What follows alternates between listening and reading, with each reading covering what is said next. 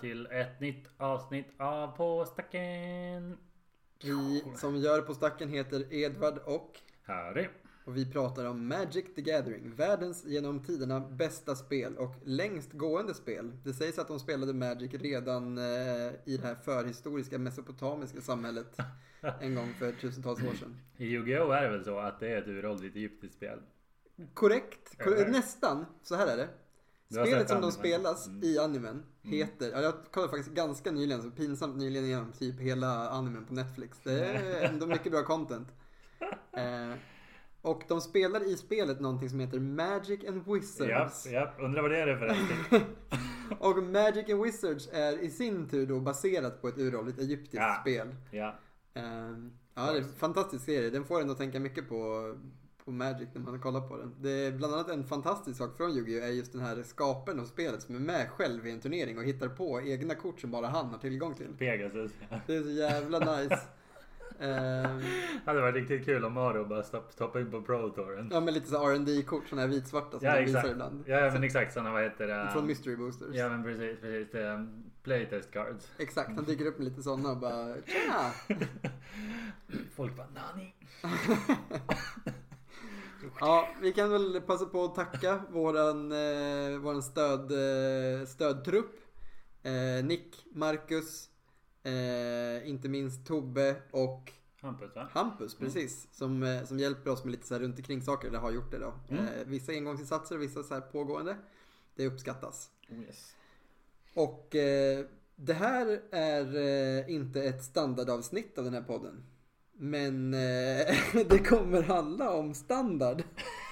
Wow. Wow. Förlåt, det här är ett standardavsnitt av Eh. podden och det kommer handla om standard.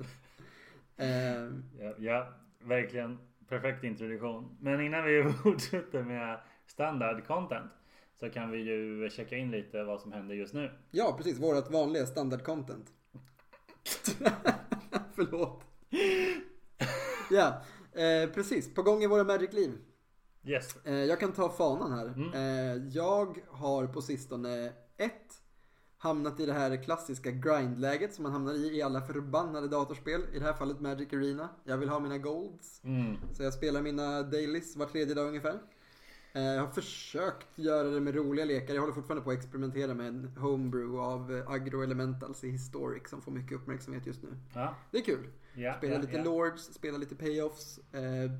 Fick tips av en god eh, vän, Magic-vän som heter Andreas. Eh, som tipsade om att jag kanske borde börja spela med Coco. Testat det ett tag nu. Mm. Svårt dock för att en annan Payoff är Omnaf. Omnaf tar inte, eller Coco tar inte Omnaf. Så det är lite såhär nombo. Mm. Men du kör båda ändå? Just nu gör jag det, för båda är så pass bra. Det är sällan man är missnöjd när man lägger någon av dem. Och det är bett- ja, jag vet inte. Men jag får lite konstig kurva och sådär så jag måste nog tweaka om den lite. Embercleave tyckte han skulle testa också men det känns som att man spelar inte både Embercleave och Coco. Det är någon av dem. Precis, det börjar bli mycket. Nej det går inte. Det går inte. Neoform har jag experimenterat med lite, också den leken. Det är kul för Ja, det är mycket ja. ETB-triggers. Ja, ja absolut. Eh, ja, så det är roligt. Eh, Mm. Och sen har jag också fått lite Magic julklappar för vi sitter faktiskt här i mellandagen och spelar in nu. Mhm.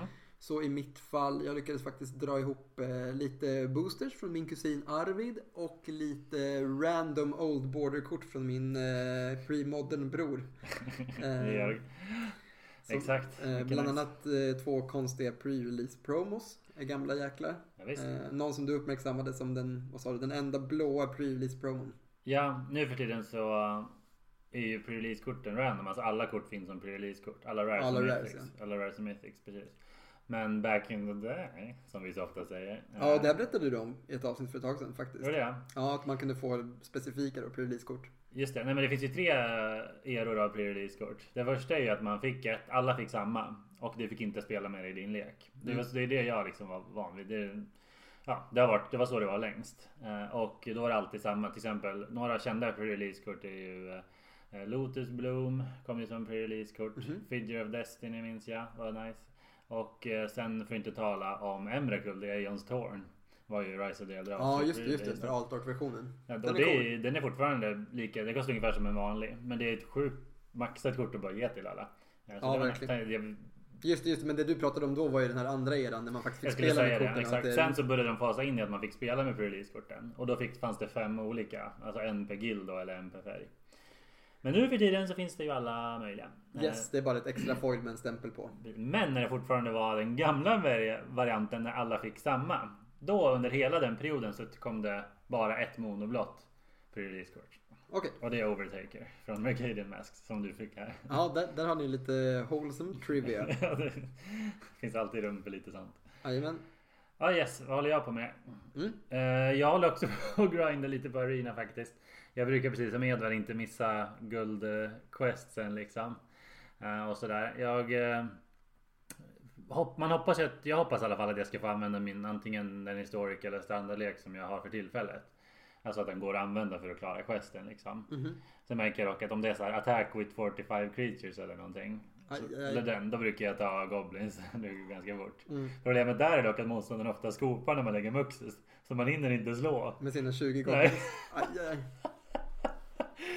Så där har ni ett tips då till alla som vill vara bror på Magic Arena. Skopa inte innan folk slår för då kanske de inte klarar sitt quest. Exakt, verkligen. Vi spreading som, som solidarity out there in the Låt world wide dem, web. låt dem casta sina sista spells i kombot så att de får iväg sina 20 blåa spells. Japp. Exakt, men sen har jag också ibland när jag vill göra change it up så har jag märkt att om det är, eller kanske jag har tre quests som alla är så här gröna spells eller så här. Ja, om alla säger att alla är relaterade till gröna spells, då kanske jag faktiskt kör en brawl-lek monogrön. Mhm. Eller en mono svart brawl blir jag också. Jag har också monovid brawl. Så jag kan man. questen. Ja, du har gått in mer för quest än mig i så fall. Ja. Men det är också för att jag faktiskt inte ogillar brawl. Så. Nej. Nej men annars så har jag köpt förmodligen kanske de sista korten till min dinosaurie EDH som jag haft länge. Grejen med den är ju att den är helfoilad. Den ska, ha, ska vara helfoilad. Ja. Och nu är den fasiken det. Nu när Commander Legends kom och sen Commander Collection Green heter den va? ja. Det gav ju mig egentligen chansen att köpa Solring och eh, Command Tower i foil. Till hyfsat rimliga priser. Exakt, till hyfsat rimliga priser. Precis. Precis. Eh, Och med i det här fallet till och med en bild som passar bättre. Alltså den är ju lite overgrown i skogen, solringen. Och det passar ju dinosaurierna. Command Tower är faktiskt också ganska snyggt måste jag Jo, säga. jo. Det är schysst start. Så det är riktigt nice. Så den Ja. leken är riktigt bling nu. Mm. Glittrar som en julgran. Jajamän. Ja, det är fint med de där eh, foilade bilderna som man kan spendera lite extra av sina Ja. hårt Men du har ingen slantar på. helfoilad nivå? Nej det har jag inte. Nej, jag, vet, jag har inte riktigt den. Nej, för, för, mycket gamla kort i den. Ja, okej. Jag skulle faktiskt inte vilja helfoila den. Det är för Nej. mycket kärlek till vissa av de äldre korten. Och sen tror jag inte, alltså jag har aldrig varit en foil-kille så. Jag kan ha så enstaka kort som jag tycker är väldigt, jag tycker faktiskt att gamla foils är sjukt snygga. Alltså Mm. med den här eh, stjärnan och sådär. Det är Japp, faktiskt japp. någonting med det. Ja. Ehm, en annan känsla, det är också bättre kvalitet på de gamla foilsen. Det känns som att man sitter som någon slags gammal sån här gnällgubbe nu. Men det är faktiskt det. De, de är lite fräscha. Hela den. Pringles-grejen som det pratas mycket om. Ja, ja, jag vet inte riktigt vad det är. Men det är ju... Det finns ju en anledning till att jag säger att jag inte är så dum på foils och samtidigt går och funderar på vad jag skulle göra om jag hittade en Polluto Delta i foil. Eh, tillgänglig för köp liksom. Jag är sugen, japp. Icke böjd som ni säkert har förstått vid det här laget. Så är det. Ja, ja, då så. Ska vi hoppa vidare? Det tycker jag absolut. Eh, vi kommer ju idag att beröra standard. Mhm. Eh, det har vi ju sagt ända från början, så ni, ni har inte hört det, men så här, mellan inspelningen eller så har vi sagt att det är så här, som ett, ett uppenbart eh, format att prata om vid något tillfälle. Mm. Eh, men det här kanske är första gången som vi inte liksom kan säga att vi kommer prata om vårt personliga favoritformat så, eh, utan bara prata om ett format som, som känns väldigt viktigt för spelet och känns väldigt viktigt liksom för, för eh, att kunna förstå Magic och för liksom, ja. Jag, jag tror alltså, det, standard måste beröras om man under åtta poddavsnitt pratar om, om Magic. Till slut kommer man dit tror jag. Verkligen, Och nu har vi, vi gjort det i alla fall. verkligen. Och ett bra format för poddar är ju att prata om olika format. Exakt, det är mycket ordvitsar idag. Vi ber om ursäkt. Eh, Men så är det ju faktiskt. Det känns ju Ja. väldigt eh, viktigt Nej, men det är verkligen. Med så stor del av spelet som du säger. Ja, jag tror också att det blir väldigt, alltså det här, om man vill se det här som början på vårat eh, poddande så kan det nog vara ett bra sätt för oss att visa liksom vår eh, filosofi runt spelet. Genom att prata om formaten så pratar vi också mycket om vad vi själva eh, har för, för tankar runt spelet. Och det blir ändå ett sätt för, för alla er som lyssnar att komma in lite i våra tänk. Det tror jag är positivt när vi liksom går vidare då in i andra avsnitt och kan liksom referera tillbaks och sådär. Det, det är nice. Ja. Standard, lite snabbt då. Vad är grejen? Eh, för att förklara standard lättast kanske man kan förklara lite de andra formaten snabbt bara. Så att, ja, men om Eternal-formaten är de formaten egentligen då som kanske inte förändras, alltså som förändras bara när det kommer nya kort. Men de äldre korten eh, kan bara försvinna från formatet genom bans och restrictions. Exakt, men Eternal är till evigt liksom. Alla Ja, kort är precis. okej. Förutom bannlistan. Ja, och undantaget är då kanske format som Modern och eh, som eh, åh, Pioneer. Pioneer. Tack, jag har redan glömt vad det hette. Det är lite så Det är ingen här. som spelar det tyvärr. Det dog väldigt snabbt. Men Ja, eh, nej. Ja. som Modern och Pioneer, de är också Eternal på det sättet att de inte, alltså att de nyare sätten tillkommer men de sätten som de börjar från, alltså att sätten har liksom ett, eh, de går från det här sättet och framåt. Det förändras ju inte. Nej. Eh, Så de är också i någon mån liksom fasta. Eh, Så det är grejen med Eternal lite. Och sen har vi grejen med så att det finns ett format som heter Limited som vi har pratat om tidigare. Alltså då när du öppnar liksom en, en sluten produkt och spelar med de korten du får där. Och sen nu kommer vi alltså till det roterande formatet brukar man kalla det. Standard. Är det det som var typ 2 förut? Ja precis, nu pratar vi fasken äldre än... Det här är äldre lingo än att prata om, om EDH. Ja, Eh, typ 1 och typ 2 ja. Men det är roligt. Om man läser i premodern-gruppen och sådär på Facebook. Så ser man ju folk som fortfarande skriver typ 1, typ 2. Bara den här leken brukar jag spela i typ 1 och så vidare. Just det. Det är ju gulligt. Eh, men standard jämte något som förut hette extended var ett annat sätt att spela på än Eternal-formaten. Mm. Som då var att du hade eh, när vi började, då var det så att du hade en viss mängd block som ingick i standard. Ja. Pratar man om. Och när det kom ett nytt block så försvann ett block. Men Just idag har vi alltså gått över till att varje år i början på, i månadsskiftet september-oktober så försvinner i princip ett helt år från Magic-kalendern. Ja, två så- år bak va? Ja, exakt. Man kan säga att när, när standard är som äldst, då har du två år av Magic i standard. Ja. Eh, nu har vi till exempel kvar eh, Eldraine, Theros, Ikoria. Mm. Och vi har nu, när vi la på eh, M21 och Zendikar, Ja. så tog vi också bort eh, Ravnica, Ja. de tre Ravnica-sätten. Och, to return och, to Ravnica. och M20. Ja. Så varje år när vi går in i, i eh, de mörkare tiderna så blir vi också av med massa kort i standard. Det. Och det är det som är unikt med standard idag. Att standard är ett format som uppdateras en gång om året med att vi blir av med jättemånga kort. Och det uppdateras också varje gång de släpper en så kallad standard, ett standardset brukar vi bara säga. Ja.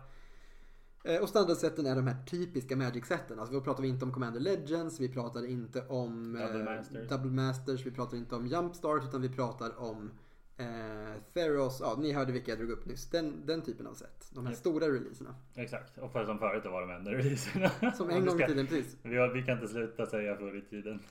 Nej, nej men det är väl halva charmen med Magic för sig. Jag tycker inte, det är ju jättekonstigt om vi skulle göra en disclaimer om det. Magic är ju förr i tiden kombinerat med det som skjuts in liksom hela tiden. Visst. Det är halva. Exakt. Men- Ja, vad gör då det här till ett så, liksom, va- varför finns det här formatet? Ja men precis, vad är poängen liksom?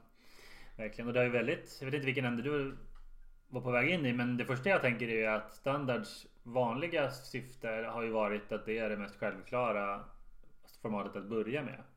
För att det är eh, färre kort att hantera, det är lite billigare, det är lite enklare, färre kort att tänka på, färre kort att skaffa och sådär. Att det är nybörjarformatet liksom. Eh, och det format som man rekommenderar nybörjare att börja med. Och traditionellt sett har man ju sagt att det är det största formatet.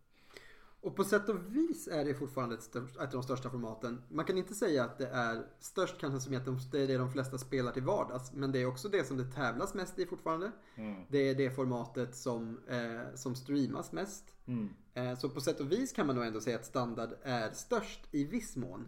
Eh, och skulle vi lägga på hur mycket det spelas på Arena så vet jag inte själv ens hur det står sig mot Commander och sådär. Så det är förmodligen fortfarande ett väldigt stort format i jämförelse med övriga format. Alltså Commander och Standard skulle jag utan tvekan säga är de två största formaten. Och sen har vi väldigt många andra format som också är stora men inte lika. Ja, nej, men det är nog en bra gissning skulle jag tro. Jag skulle gissa att modden kommer sen, men det är egentligen bara gissningar så vi ska väl inte stanna där. Men i alla fall, standard har ju väldigt, väldigt länge varit det självklara sättet att spela för många. Det som Ja, var typ 2 förut. Men väldigt många har pratat ju om standard både då och nu som så här, ja men jag har inte riktigt råd och jag orkar inte riktigt sätta mig in i legacy eller riktigt sätta mig in i modern. Eller så. Eh, Och, det, och om du är en casual eller någon som bara kommer ner till din lokala spelbutik då och då så passar det väldigt bra. Om du är en som gillar att öppna boosterlådor av det nya sättet så är det väldigt logiskt att bygga en standardlek. Ja. Eller? Det, väldigt, det ligger nära till hands liksom. Wizards är också väldigt måna om att pushas och göra alltså standard på alla sätt de kan. Mest för att sälja boosters såklart av den nya expansionen. Jag tror, där har jag en sån här klassisk Edvard-inflikning. För jag Mm. tänkte på det, vi pratade lite om det här innan vi började spela in. Jag kom på en till sak. Alltså någonting som är unikt för Wizards med standard är att det är ett format där de har mycket, mycket mer kontroll över designen. Ja. Alltså i modden så behöver de ta hänsyn till beslut som de fattade för 20 år sedan.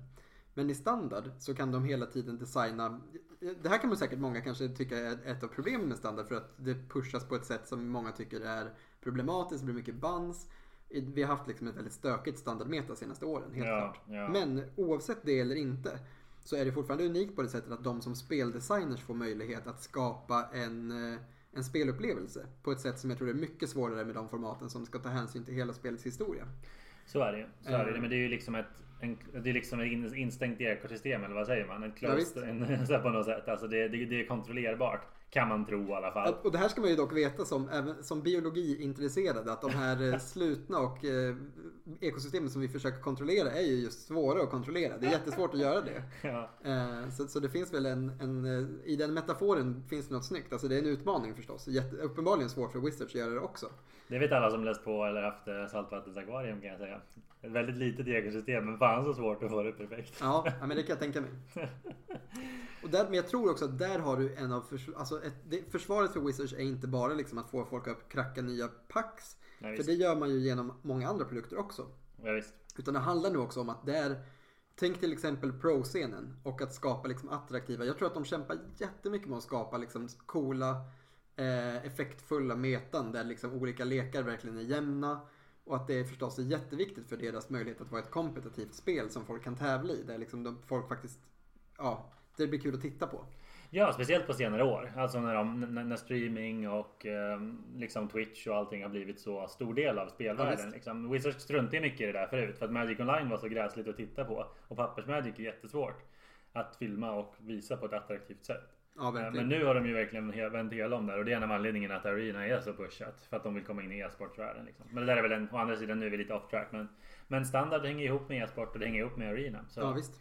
Jag tyckte du sa en väldigt bra sak förut också. Det här med att det är ett format som går att begripa, tror jag, snabbare än många av de andra formaten. Alltså Mm. du kanske behöver hålla koll på ett, säg tusen kort istället för att hålla koll på 20 000 kort. Nästan. Det är ändå väldigt stor skillnad. Ja. Och eh, du kanske behöver hålla koll på fem starka strategier som är de bästa i formatet. Inte 50 starka strategier som bara kan liksom dra undan mattan under fötterna på dig. Liksom. Mm, mm. Och det tror jag faktiskt på riktigt är en stor, eh, vad säger man, det, det är en av de, liksom, ett av argumenten för standard som jag själv som, som arrangör eh, kan sakna i de andra formaten. För Ja. att det är svårt, alltså upplevelsen som ny spelare att komma in i modden är långsam och tuff och jobbig. Jämfört med då om du får pusha standard ett tag, lära dig grunderna i spelet och bli riktigt bra på ett standardformat. Då har du ju faktiskt mycket, mycket mer fair chance Mm. i, i turneringar tror jag. Absolut. Speciellt när standard är bra såklart. Och när det funkar liksom. Ja, Ja. till exempel som det är nu om man får, Jo. får passa på att Jo. flika in i det. Jo, nej, men nu, nu, nu är det svårt att säga att någonting är trasigt. För det tycker jag verkligen inte. Nej precis, man, många har sagt den här leken är bäst och sen möter man den och så tänker man ja men jag har verkligen en chans. Liksom. Ja. Det är inte värt, eh, ovärt att spela. Exakt.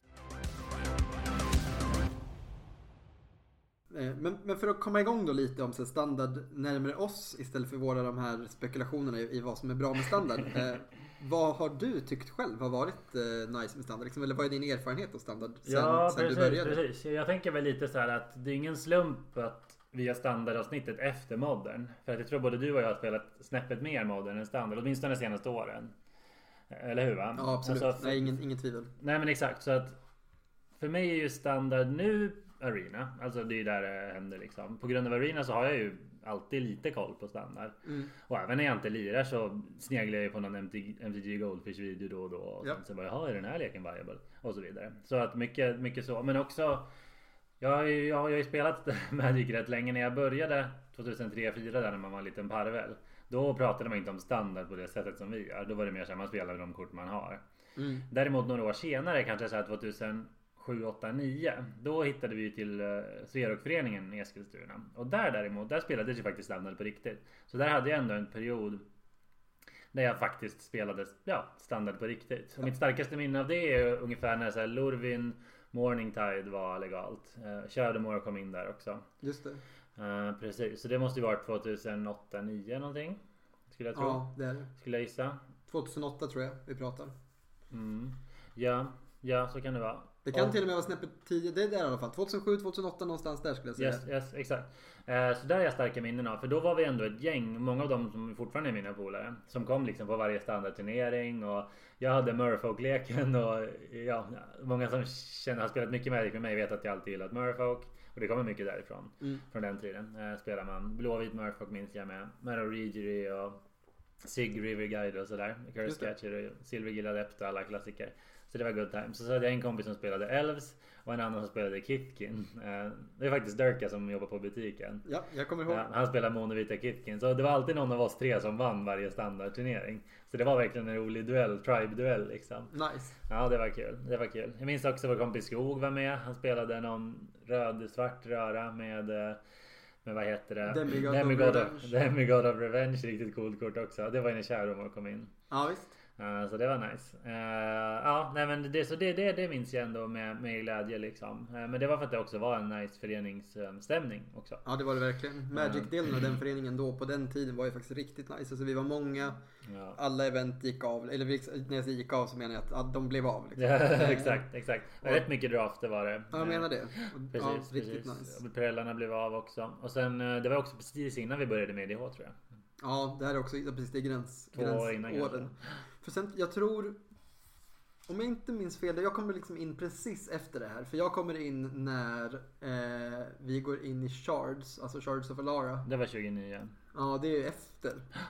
Precis efter. Japp. Och det var ju, vad jag, det jag kommer ihåg var att då spelade vi också mycket standard. Jag kommer liksom till och med ihåg den här, vi hade ju som en årsfinal varje år på den Mm, föreningen. Just det. Där vi liksom hade samlat, vi tog våra Sverok-pengar och köpte lyxiga priser. Jag tror man vann en hel display eller taget man vann den kvällen. Kanske.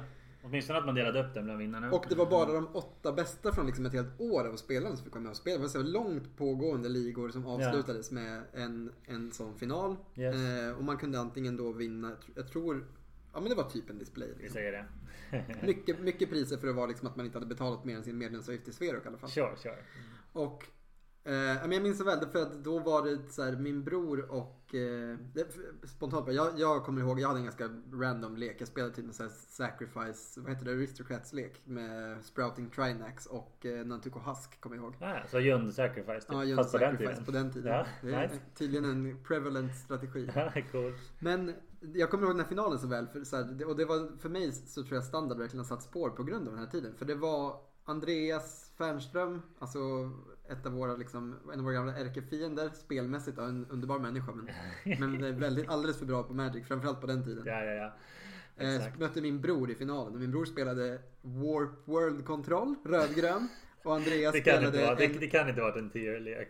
och Andreas spelade grönvita midrange-leken som inte heller fanns. Liksom. Ja, så båda var homebrews. Båda spelade homebrews och vi andra var liksom satt och tittade på det. Var spännande som attans. Och jag kommer ihåg att Andreas lyckades dra hem det där. Jag tror faktiskt den här Warper-leken var, den var inte supermeter men han spelade ändå Jund. Inser jag nu. För han spelade ju med, med vad heter den? Den här Brood, Broodmother? Dragon Broodmother. Dragon Broodman, ja. Den var ju riktigt bra. Stabil. Den är tung som 2-4-4 fan. för 6 mana liksom. Eh, och så är bra kort. Ja, Broodmate Dragon. Broodmate finns Dragon! båda, ja. Just det, den andra var den som gjorde tokens. Tokens var där. Ja, båda är bra. Ja. Eh, Ja, ja, Dragon Broodman det var ju stabil då. Alltså Shards, mycket metat runt Shards, det är också lite av en ökänd period för att eh, det var väl där fem color control var en grej. Folk spelade ju Ja. Cruel Ultimatum eh, och mycket av det gjordes ju på grund av manabasen eh, Lorvin eh, eh, Vivid-länderna plus Mm. Reflecting Pool. Gjorde att det gick att spela fem color control. Det var ju den bästa leken. Just det, just det. Och där kommer jag ihåg det fanns en helt, eh, det finns en as, om ni vill eh, kolla lite Magic-historiskt kan ni gå in på YouTube och kolla, söka på Cruel Ultimatum Gabriel Nassif. För det Mm. finns en legendarisk när han spelar, tror den leken eller kanske Grisig Control. Eh, det är bara en, han har, det är 1-1 eller 2-2, det är liksom avgörande matchen. Jo, men, eh, Och innan, han måste toppdäcka Cruel Ultimatum, så innan han drar sitt kort så tappar han och säger själv i liksom matchen, han bara tapping for Cruel Ultimatum. Ja. Och så flippar han bara toppen och så nära en Cruel Ultimatum och han vinner turneringen. Det är väldigt coolt. ja. Eh, Iskall avslutning liksom. What's on top of the deck? Exakt. Oh my god. It's lightning, uh, cruel ultimate. Ja. Just ultimatumen var också big deal. Det var coola kort. Tack för, för den påminnelsen. Då kom jag, det var verkligen, Det var ju Ultimatum Cycle Ja, som vi fick Ultimatum nu Cycle. tillbaks i Korea. Så det är lite nice. ja, de var ju riktigt maxade. Ja, visst. Eh, nej men standard var för mig verkligen så här, det var så man tävlade i Magic. Dra- Draft är också riktigt så för mig att de, det har satt spår på något sätt. Där kommer min tävlingshjärna verkligen igång på ett, Ja. på ett nice sätt. Modden har också blivit ett sånt format. Mm. Men just den här känslan av att man försöker sitt bästa. Att det går ut på att man ska lära sig av sina misstag. Mm. Eh, Lära sig metat. lära sig ett meta liksom. Och, och just att, ja men som du säger, att vi hade den här upplevelsen av att man har en grupp som spelar mycket och alla försöker ändå vinna. Ja. Eh, det är ju någonting väldigt annorlunda än det här som ofta är den här super casual stämningen som är för oss runt Commander. Mm. Eh, som kanske är närmre våran vardags Magic nu. Att man bara spelar for the funsies. Men på den tiden var the funsies också att försöka vara bäst. På mycket, i stor utsträckning. Visst. Visst, och, eh, men precis. Nej, men det är ju glad att du också har fina minnen från den tiden. Men grejen för mig var ju att sen kom EDH och så zonade standard lite ut. Jag tror föreningen hade lite det krackade lite liksom i föreningen av olika anledningar. Absolut, det var och, absolut. och, och allt som allt så blev det ingen mer standard på ganska länge för mig. Alltså jag tog en jättelång paus. Eller jag har egentligen, på sätt och vis har jag aldrig kommit tillbaka ska jag säga.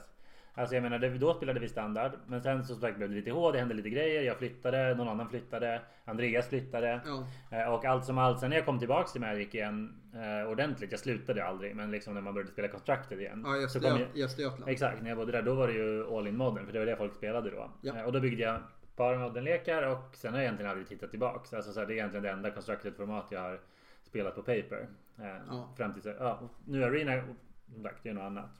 Jag tror, för mig så har det kommit igång lite igen med butiken. Annars är min upplevelse väldigt lik din. Alltså det, på våran Sverokförening dog av lite.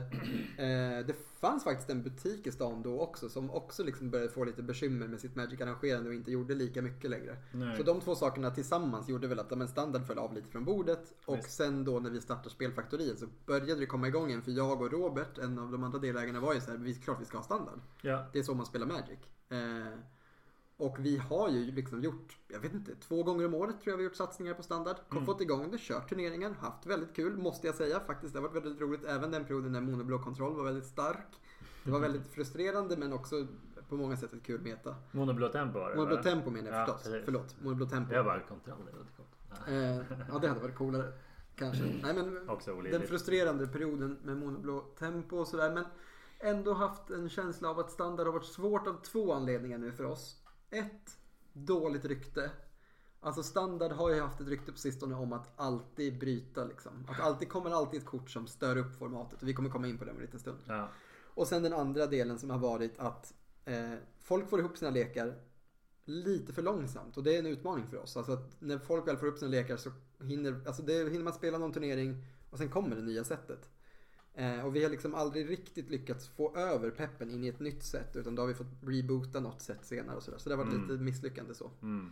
Eh, för det är fortfarande ett ruskigt kul format att spela. Det är ganska tacksamt att få in nya spelare i det. Visst. Men det kräver arbete som arrangör måste jag säga. Alltså det Mm. kräver att du peppar folk, hjälper folk att leta efter kort. Ja. de säger, någon annan får säga liksom, "Åh, jag vill bygga den här leken och sen får du faktiskt gå in och aktivt söka kort åt dem och hjälpa till. Det gäller inte alla personer såklart. Nej, nej, nej. Men om du ska kunna ha ett hälsosamt, eh, Meta. ett hälsosamt antal spelare i metat så Mm. måste du faktiskt engagera dig på ett sätt som jag inte upplevt med de andra Nej, formaten. nej. Vad är, eh, vad är problemen med standard? Ja, exakt. Nej, men det, är, det, är, det är ju självklart att vi måste, måste beröra det. Givetvis. Så jag menar, det, det finns säkert mer än en förklaring till varför vi inte har spelat så mycket. Det är ju för att vi kanske också haft tankar om standard som inte bara är positiva. Liksom. Nej, visst. Åtminstone tidigare. Eh, Och, och nu liksom, ja, nu ser det annorlunda ut. Men det mest, vi kan väl börja vid det mest liksom, elefanten i rummet liksom. Eller älgen i rummet kan man kanske säga. Okos älg. Eh, Och Bansen liksom. Älg. Ja, OK är en väldigt bra symbol för det. Ja men exakt. det var lite för långt sagt där. Men okej, men alltså jag menar så här. Senaste åren av standard framförallt. Har ju visat hur lätt det är att rasa sönder formatet. Alltså så här, det det kommer en, två, tre kort som bara är på tok för bra. En lek seglar upp till toppen. Det är 50% av alla som spelar den leken. Det måste bannas. Rinse and repeat liksom. Eh, Mm. Och på grund av den här FIRE-filosofin som kanske inte alla har koll på. Men Wizards har inte gjort det av en hemlighet. De, de försöker inte göra det till en hemlighet att de har tryckt starkare kort. Det är fullt medveten strategi i standard senaste åren. Ja. Eh, Och många menar att på grund av den filosofin så har det varit högre power level än vanligt och i vissa fall för hög. Alltså de trycker några kort som alla råkat vara grönblåa. Eh, Som Oko, Omnath, eh, vad heter det, Uro och um, Krasis och sånt där. Ja, just det. Eh, Som alla är så pass bra så att det blir inget kul helt enkelt. Och någonting måste bannas. Eh, Och, Vi är en agent of treachery. Ja, ja exakt. Någonting måste bannas och det har varit rekord många bands i standard senaste åren. Det går inte att komma ifrån. Och en av anledningarna att bansen måste ske är ju inte bara att korten är för bra utan också det här som vi sa att det är ett litet ekosystem. Det finns inte perfekta, det finns inte svar så det räcker liksom. Nej, så är det. Ja, Så är det. så att om, Och, om ett, och om en strategi trycks upp över gränsen så finns det inte tillräckligt många andra strategier för att väga upp det. Alltså Exakt. det blir problem i standard för att folk är så vana i standard att då bygger man den bästa leken. På ett annat sätt kanske. Ja. Än i till exempel modden. Det, där det, som, det tar lite längre tid för folk att ställa om och sådär. Visst, visst. Och jag menar, och det finns, och på grund av i modern och legacy så finns det skitbra hatkort. Alltså svar liksom. Även om det såklart är tråkigt när man måste köra graveyard hat i main deck och sånt. Men jag menar i modden går det i alla fall. Det kan vara så här att någonting blir lite, det kommer ett jättebra kort i standard, influerar en lek blir för stark. Då har folk säger ah, ja men nu är Blood Moon bra igen, nu är Shadows of the Void bra igen. Och så vidare. Alltså Ja. nu, nu är Leyline bra igen. Och då kan det till, förhoppningsvis justera upp det liksom. Men Medan det är inte går i sant. standard, Det ja. är väldigt sant. Och det blir ju på något sätt tydligt eh, när man har varit hyfsat aktiv i standard genom arena. Att det Mm. blir så här varje gång det kommer nya saker så blir det oftast något bannat. Eh, och där har jag varit lite så här smådryg och sagt att ja men då får man väl vänja sig med det. Alltså då får vi vänja oss med att början av en ny standardsäsong är någonting bryter och bannas och sen kan vi börja spela på riktigt. Visst, men Det det är är, ju tråkigt. Rätt, eh, ja, det är, det är deppigt att acceptera en sån verklighet. Jag menar, jag som är gammal vet ju att det bannades ju ingenting i standard på typ 7-8 år. Från eh, megabanden under Mirrodin 2003-2004. när de men- bannade alla artefaktländer och allt Absolut. annat. Och sen inga bands förrän Jace the Mind Sculptor och Stoneforge Mystic. Alltså det var ju ändå, det går ju. De, det gick att designa standardsätt som inte bröt metat liksom. Och det är jag helt övertygad om. Men liksom att de har och gör så pass mycket playtesting att de ibland säkert till och med är medvetna om att så här, det här är inte helt perfekt. Vi släpper det ändå för att den här typen av starka kort eh, driver på försäljning. Ja. För att de pushar över in i modden som Jo. är ett väldigt köpstarkt format och så vidare. Visst, visst. Eh. Eller EDO för den delen. Eller Commander ja. Ja. Så jag, jag håller med dig. Det är ju verkligen det mest uppenbara liksom så här, eh, röda lampan på något sätt för standard. Att vi har blivit plågade av, av de här bandsen. Mm. Eh, det Inga band från Zendika Rising än eller? Nej. Du vill att man måste tänka efter, då vet man att det är problem. Jo, Omnath är bannad. Nej, jag tänkte det var så ny. Jag har redan glömt det. Ja, nej, faktiskt. Det, Herregud. jag, jag har bara koll på det för jag hade en foilad in som jag inte hann sälja. Ja, och det roliga där är det är ett kort som trycktes för Commander. Ja, visst. Det är bara, alla såg det bara, men det här är väl bra i fyrkolor elemental tribal. Och sen bara Oh, spaghettios. Men jag tror att en sak som för mig i alla fall eh, har varit tydligt som problem för standard också är ju det som många tar upp. Eh, att standard, eh, att det, korten byts ut är oattraktivt för många spelare. Ja, Alltså den saken med att du byggt din lek, om du faktiskt tycker om den och vill spela den leken och sen får du inte det. Alltså då Nej. bara okej vad ska jag göra? Jag kan inte spela den i modden, den är alldeles för dålig. Ja. Den här strategin kanske inte ens funkar i modden och du behöver skaffa liksom jättemycket gamla kort som är dyra för att kunna spela något liknande. och ingen spelar Pioneer kanske. Folk spelar inte så mycket Pioneer och Pioneer är också en, to be fair, så pass, går så pass långt bakåt att du måste ändå skaffa ganska mycket nya kort Ja. för att hålla upp standardleken till Pioneer. Jo, Många av korten går att slänga in i commanderlekar, många går att sälja även fast att de har roterat ur standard och så vidare. Men det här är ändå det som jag tycker är talen.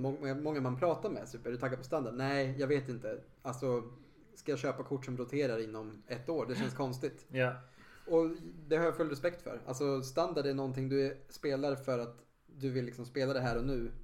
Och du måste vara en väldigt aktiv trader. Alltså med dina kort. Du måste byta och sälja mycket för att standard ska vara ekonomiskt försvarbart. För Jo. annars blir det som att du köper kort som kostar 100 spänn när du köpte dem, 20 spänn när du säljer dem. Det är ja. inte kul. Nej, verkligen.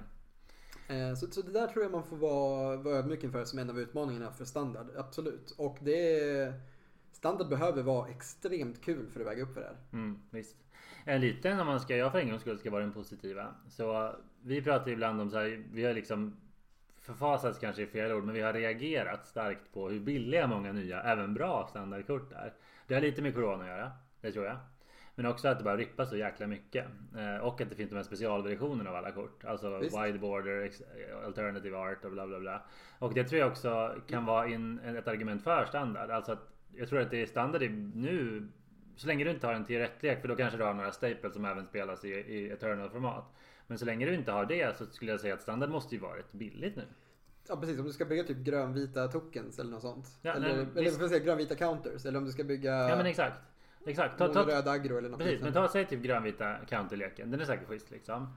Och då är det så här. Ett kort som är helt klart en staple där är ju Luminark Aspirant. Det här Mm. tvådroppet som lägger en plus counter varje combat. Det är ett schysst kort, eller hur? Absolut. Jag ser det kortet och tänker den här är riktigt bra. Den kommer spelas i standard som four-offs, monovit Jag tror till och aggro. med den spelas i Humans. Kanske. Den, den, den går säkert att spela i Humans. Den går säkert att spela i någon pionjärlek. Man bara, det här är ett schysst kort. Vad kan den vara värd? Ja, två kronor. Ja.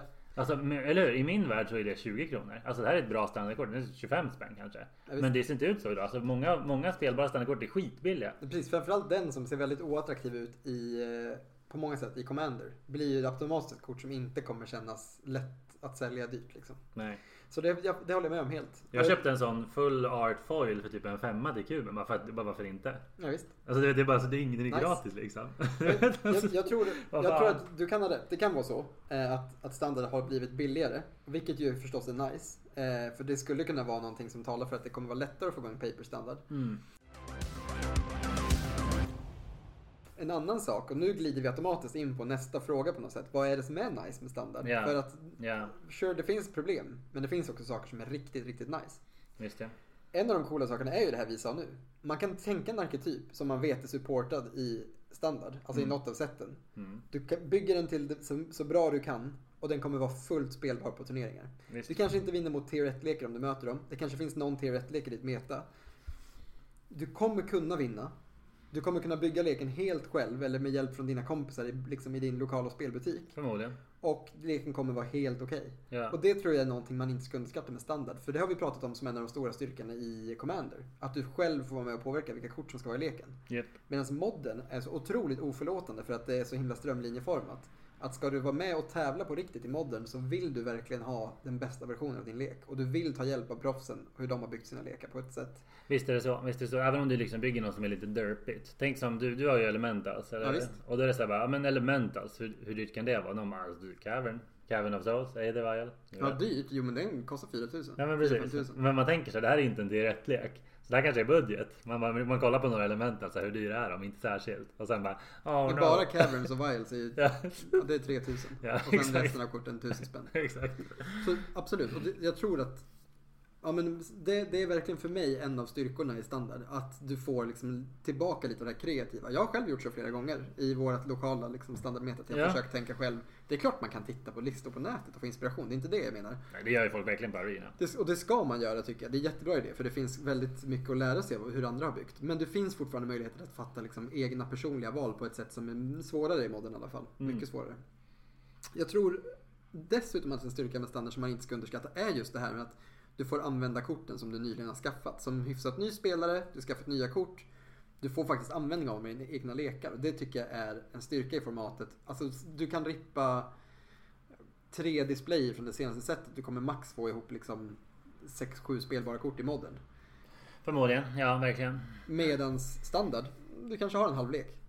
Det är ändå rätt nice. Du kommer Jo, kunna byta lite kort med andra som har öppnat andra och kanske få ihop den här leken som du vill ha. Ja, och det är mycket med Magic någonstans. Jag tror åtminstone vad Wizards tänker att Magic handlar om. Alltså, du vet, öppna produkter, se vad, vad, vad, vad, vad, vad liksom triggar igång din fantasi och, och sen, ja, bygga Bygga något och sen träffa dina vänner på fredag.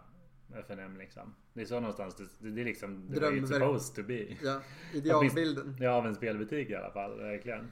Och den känslan tycker jag verkligen är någonting som man ska försöka fånga upp och man ska försöka uppmuntra för att det var ju kanske lite det som fångade oss till spelet en gång i tiden och som Mm. jag tror kan fånga många andra. Ja, Eh, Just den här visst. känslan av att kortet du rippar i packet kan bli en lek. Eh, och Verkligen. då är nog standard och commander unika på det sättet tillsammans i att det faktiskt går i många fall. Jo, nej men det tror jag verkligen du har rätt i. Eh, en annan nice grej med standard är ju att för det, här, jo, men det här är passande att säga för att det är både det dåliga och bra med standard och det är att det helt enkelt inte är så många olika lekar. Alltså i metat. Som Nej. du sa, man kan ju hitta på sina egna grejer men det finns ju begränsningar där med liksom. Och ja, Eh, och, så jag tänker någonstans att så här, Säg att du har ett vanligt standardmeta som till exempel det som är nu. Liksom. Vilka lekar är, är bra nu? Det är lite olika i Best of 3 och Best of 1 och så. Men vi, det kan vi faktiskt ta bara för att det passar. Vad, vilka lekar är det som är bäst i standard just nu? Rogues i olika varianter. ja precis. Eh, monoröd, Dagro, eller hur? Ja, rödgrön är väl typ lite mer... Jo, men rödgrön och monoröd aggro båda. Eh, vita, det finns ju någon vit agrolek men den är inte så hög tidigare kanske. Teamer Adventures trots Team, bans. ja, fortfarande Team bra. Adventures, men det är väl ramp in i Ultimatum nu för tiden. Ja, jo, det är sant. Teamer Ramp kallas det nog. Ja, Men exakt. du spelar ju typ Adventures-paketet lite fast sen rampar du in som Yes. du säger i Genesis. Exakt. Uh, Doom Foretold. Helt okej lek ja, absolut. Den är med. Visst. Så att ja, Mm. alla, det finns ett gäng lekar. Säg vi har så här sex stycken. Raktos är bra. Mm, jo men säg så här, sex, sju olika stabila lekar. Bara för enkelhetens skull. Ja. Eh, och det, det roliga med det är ju att du verkligen kan lära dig ett meta. Du kan liksom nöta meta, nöta laddern på Mm. Arena till exempel. Och bara så här, ja men lära dig hur leklistorna ser ut utan till och kunna spela optimalt därefter. Du bara okej, nu ser jag du vet, nu kommer det där landet, eh, då vet jag att det är den här leken. Liksom. Det kan du göra Mm. i modden också, men där är det liksom 30 olika lekar att komma ihåg. Du ser en Cabin Eller Souls, 40. det kan vara 20 ganska bra lekar du möter. Just det är den som säger de i Creature Type, så du vet det nog. Men... Ja, det är sant. Det är sant. Du ser en Vial Ancient, då? en ancient? Cigarette eller en Vial. Det är sant. Exakt, ja, men precis. Ancient Cigarette inne... Nej det går inte ens. Whatever, ni fattar poängen. Ni Ja. fattar poängen. Alltså att det finns ett antal lekar. Om du lär dig dem så tror jag verkligen att det, kan, det finns någon form av så här. Du kan komma till ett stadie där du verkligen så här, det blir lite sten sax påse känsla nästan. Du är så här, jag är bra mot den men inte mot den och sen kommer den och så den. Liksom. Ja. Att du bo- bollar runt och så här. Men verkligen, du, du kan känna dig riktigt, riktigt trygg i det här lilla metat. Nackdelen med det är ju förstås att ja, det är just ett lite mindre meta. Det blir inte lika mycket variation. Men då får du Eller- istället variationer av rotationerna. Så det är ju, Ja. jag håller med dig om att det här är verkligen en styrka för formatet. För då blir det så att lagom tills du har börjat tröttna på ett meta, beroende på hur fort du tröttnar på det. då, Jo, det är sant. Mm. Så kommer du ändå få in en infusion av nya kort eller Ja. att många kort försvinner. Vilket skapar ändå någon slags dynamik. Men jag håller med dig för att Säg att du spelar 5-6 games per kväll för att ja, du sitter och grindar ditt guld som vi pratade om tidigare. Visst.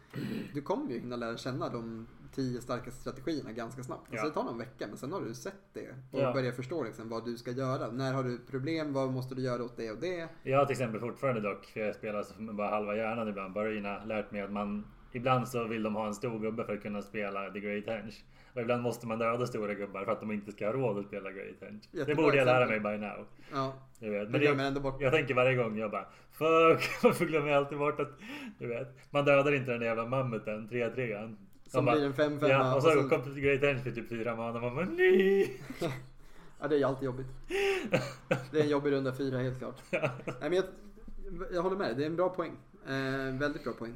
Jag, jag tror, om man säger jag ska ta min sista styrka för standard så Ja. tror jag att det är eh, att det är det formatet där du får komma närmst eh, den alltså bäst, högsta nivån av Magic, alltså pro-scenen. Eh, Magic Nirvana. Ja, alltså jag tror att när du spelar Arena och du kör så bra du kan, du börjar lära dig liksom hur man fattar kloka beslut, hur du spelar med en strategi. Till slut kommer du börja närma dig Mythic. Och till slut kommer du börja eh, närma dig liksom du kommer börja nosa i, i eh, hälarna på något sätt på eh, pro-scenen. Och det är en ganska ball känsla som jag tror är väldigt svår att få någon annanstans än Ja. om du grindar standard eller historic Visst. på Arena. Ja. Och, och verkligen, det vill jag lyfta för mig i alla fall som en av styrkorna i formatet. Den gången som jag var, spelade som mest hittills på Arena, det var skitkul. Alltså det är verkligen en nice Det var ett par känsla. månader sedan va? Ja, precis. Det var det blir oktober eller november. Eh, ja, nej, men verkligen en rolig känsla att känna liksom att man får vässa sitt Magic-spelande och verkligen försöka spela så bra man kan på ett sätt som man kanske inte alltid orkar göra när man spelar på sin liksom lokala, sitt lokala meta. Nu är det enda som återstår bara att jag ska sluta ha också ha någon YouTube-dokumentär på samtidigt som jag spelar standard på Arena. Ja, okej. Nej, där har jag faktiskt inte behövt vara. Jag tycker det är väldigt kul. Ja faktiskt. men det är bra. Men jag behöver ju inte det egentligen, man är bara så skadad. Multitasking-skadan. Ja, Hopplös generation. Måste döda mammuten. så att de inte kör great. kolla på en mammut på TV istället. Glömmer bort vilken mammut som var viktig för tillfället. Ja, Ingen av dem. exakt så. Okej. Ja, det kanske får räcka om standard eller? Ja men jag tror det. Det känns ändå som att vi har ramat in formatet bra. Eh, en sista här, kommentar bara är väl att eh, standard är tillgängligt på arena. Alltså det är verkligen inte långt bort. Om du är en person som är skeptisk till om standard är kul eller inte, ge det en chans. Alltså det går förvå- förvånansvärt fort att få ihop sin första lek skulle jag säga. Du tycker det? Ja. Mm. Det tar någon månad. Alltså Av någon månad av, av softspelande skulle jag säga. Ja. Alltså att du gör dina quests. Jo. Eh, ja, då, du kommer skrapa ihop en lek. Bara kör. Det är kul. Visst, visst. Men tänk efter vilken du vill ha förstås. Ja, för det blir jobbigt när andra leken ska in liksom. Det är, alltså, Och att du inte kan sälja korten som på vanligt. Du får liksom någon, en optad lek i kvartalet typ. På, på att spela varje. Free to dag. play. Free to play. Det låter rätt illa när du säger det. Men det är fine. Jag tycker också det är fine. Jag är också free to play. Snål Ja. ja. kan inte hålla på med både paper och betala för digitalt. Så att jag är också free to play. Jag tycker också det funkar relativt bra. Alltså faktiskt. Alltså, och när man, speciellt nu med historik, om du har alla manabaser, vilket på något jävla mirakel. Du jag får ihop det till slut. Liksom. Ja men exakt. Så, så är det också en bra grund. Då blir det inte extremt dyrt alltid med en till lek. Nej, Faktiskt. bara alla ens rare. Rare wildcards. Ja, allt det kostar i alla dina rare wildcards.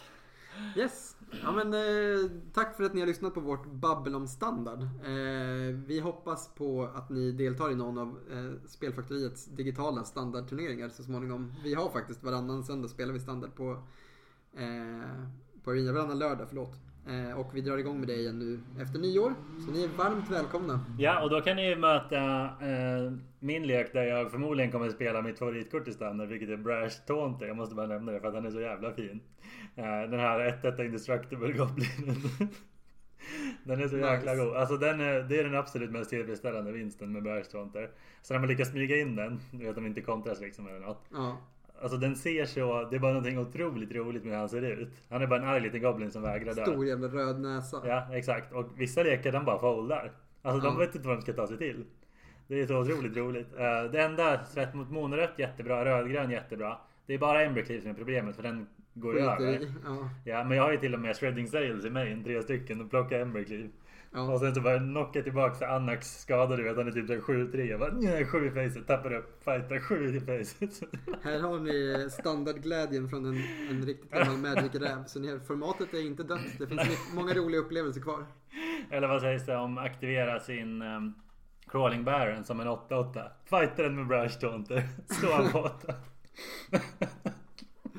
Ja, Nej, det är good times. Typ, Verkligen. typ 14 eller något vi passar på att eh, ta fördel av den här glädjen och ger oss in i det mest glädjefyllda momentet i våran show.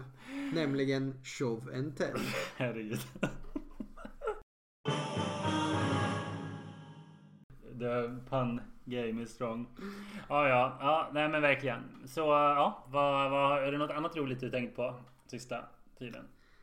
Alltså jag sitter på nålar just nu och för första gången på flera år trots att jag själv driver en spelbutik och borde ha jättebra koll på spoilers för att liksom alltid vara on the, vad heter, alltså att stå liksom längst fram i, på frontlinjen och hålla koll på vad som händer. Så här taggad har jag aldrig varit. Jag, På en ny standard? på en ny standard, precis. Jag är så äckligt taggad på Kaldheim. Eh, för jag vill ha, eh, jag vill ha ormen Midgårdsorm. jag vill ha Midgårdsormen i min fisklek. Jag drömmer om att den är blåsvart legendary. Så att jag får för första gången sen min lek blev till. Ah, Med Rexiel of the Deep. Just det. Får testa att byta commander. För Rexiel har ju inte så mycket tema i min lek. Man interagerar med andras gravar. Jag har slutat milla folk. Jag gjorde nog mycket mer det i början. Typ att man la saker och kunde interagera med Rexiel. Men nu är han faktiskt bara en blåsvart commander på något sätt. Jag hoppas ju att jag ska få liksom en coolare full art foilad eh, fisk här nu som jag kan njuta av. Ja, nej det vore konstigt om de inte tryckte Midgårdsormen. Alltså en referens till den. Nej, jag blir ju väldigt ledsen då. De har ju redan tryckt eh, Fenrisulven. Eller Ja. visat Fenrisulven. Ja. De eh, har visat flera gudar som ju känns väldigt tydliga, som tydliga referenser. Och någon ek- en ekorre som tydligen också är kanon. Ja, just det. Men- vad fan hette den? Ratatoster. Ja, precis. Och jag tror det finns en som heter Ratatosk. Ja men det är något sånt I, ja. ja, Eller tvärtom, whatever. Ja. Men den är i alla fall det är också riktig uh, asatro uh, Ja. grej. Mark Rosewater har säkert haft det här kortet i huvudet i tio år. Eh, han älskar sina, sina squirrels. ja, visst, ja, Nej visst. men, nej, men med, Midgårdsormen är... Eh, alltså jag vet inte, jag, det, jag ska bara ha den. Eh, och jag ska ha den i den mest bling-varianten och jag hoppas som sagt att den är blåsvart och legendary. Det finns inget som säger att den ska vara det. Det känns, nej, det känns ju nästan... Oh, det skulle kunna... Det, skulle, det är förmodligen en monoblå. För att stora fiskar oftast är monoblå. Så det mest realistiska är ju nu att inte få så höga förväntningar och bli jättebesviken. Nej, det är sant. Men jag tänker bara Eller ha- blågrön tyvärr. Det finns också en stor risk. Vet du vad? Jag tänker vara sårbar. Ja. Jag tänker drömma om Ja. en blåsvart fisk. Och får jag den så får jag den. 2020 minst. Alltså efter, efter det här året så känner jag att jag är redo för en till besvikelse i början på 2021. Ja. Jag kan ta det. Jag har lärt mig hantera motgångar. Och nästa motgång blir förhoppningsvis inte en felfärgad fisk. Felfärgad fisk var ordet. Ja, nej men absolut. Jag är också riktigt taggad på Kaldheim. Jag kan faktiskt eh, haka på där. Jag, jag blev verkligen... eh, eh, som många andra eh, tagen, chockerad, ja faktiskt. Eh, chockerad som en YouTube thumbnail. Du vet. Man är bara, vad var det som chockade Harry? Kaldheim-chocken. Köldchocken. Will he ever recover? Exakt. Och det som eh, chockade mig var den här läckan som när vi spelar in är den fortfarande inte bekräftat om den är legit eller om det faktiskt är en extremt välgjord fake. Det är sant. Eh, svårt att tro det, men kanske. Eh, och det är ju att Phyrexians är tillbaks och att det ändå blir eh, snö support alltså. Och båda de förvånade mig. För det första för att eh, eh snö är å ena sidan helgjutet för Kaldheim. Jag menar det är ju... Jag trodde ju att snö skulle vara en grej. Jag har inte tänkt på det på samma sätt som det. Jag, du får gärna berätta klart, men jo. jag kan kommentera sen. Jo, nej men precis. Min, min första tanke med Kaldheim var nu kommer snö tillbaks, faktiskt. Men min andra tanke var, eller kanske inte.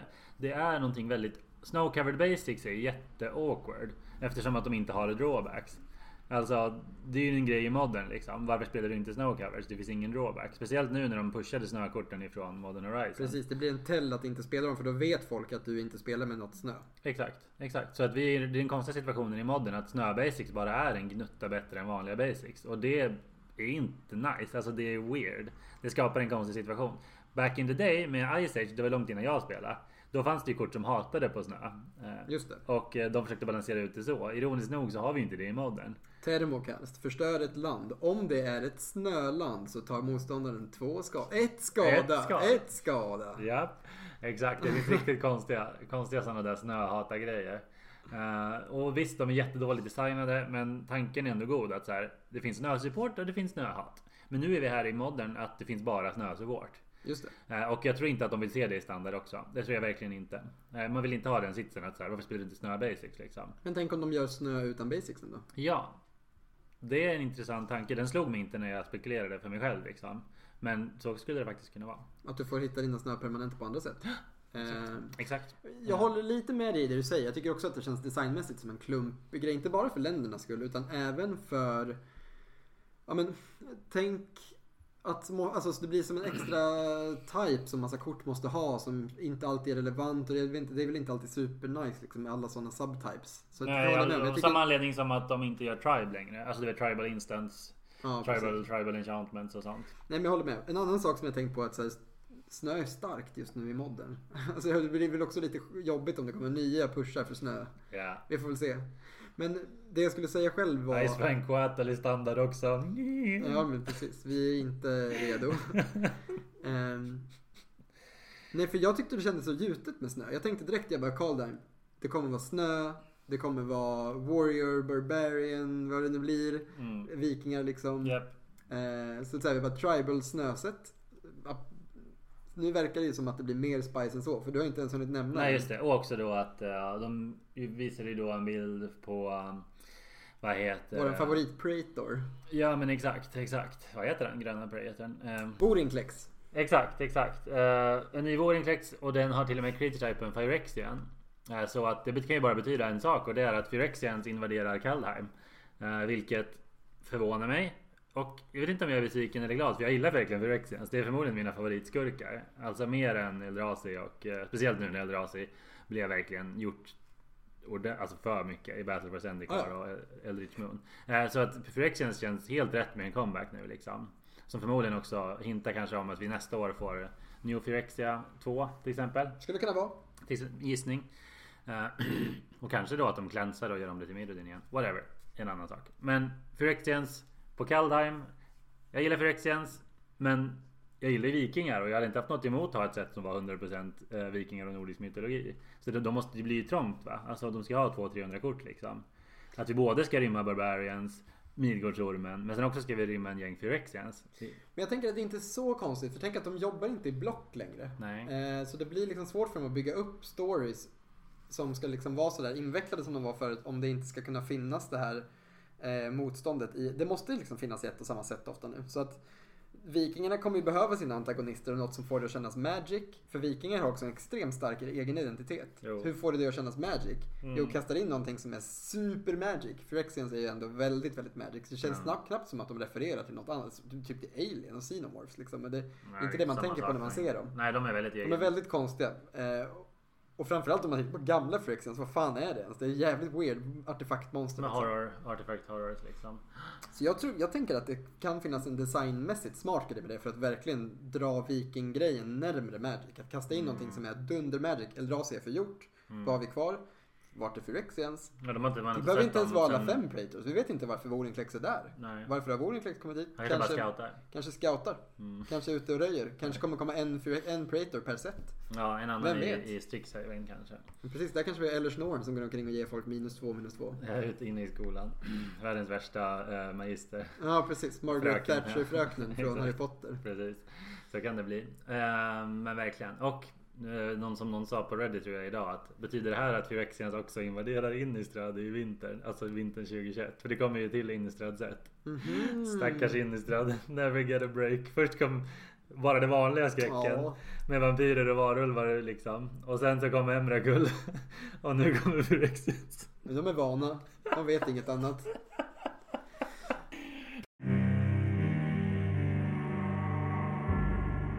Jag kanske avrundar där då. Ni hör det här så är vi inne på det fantastiska året 2021 som bjuder på närhet och eh, framgång för oss alla.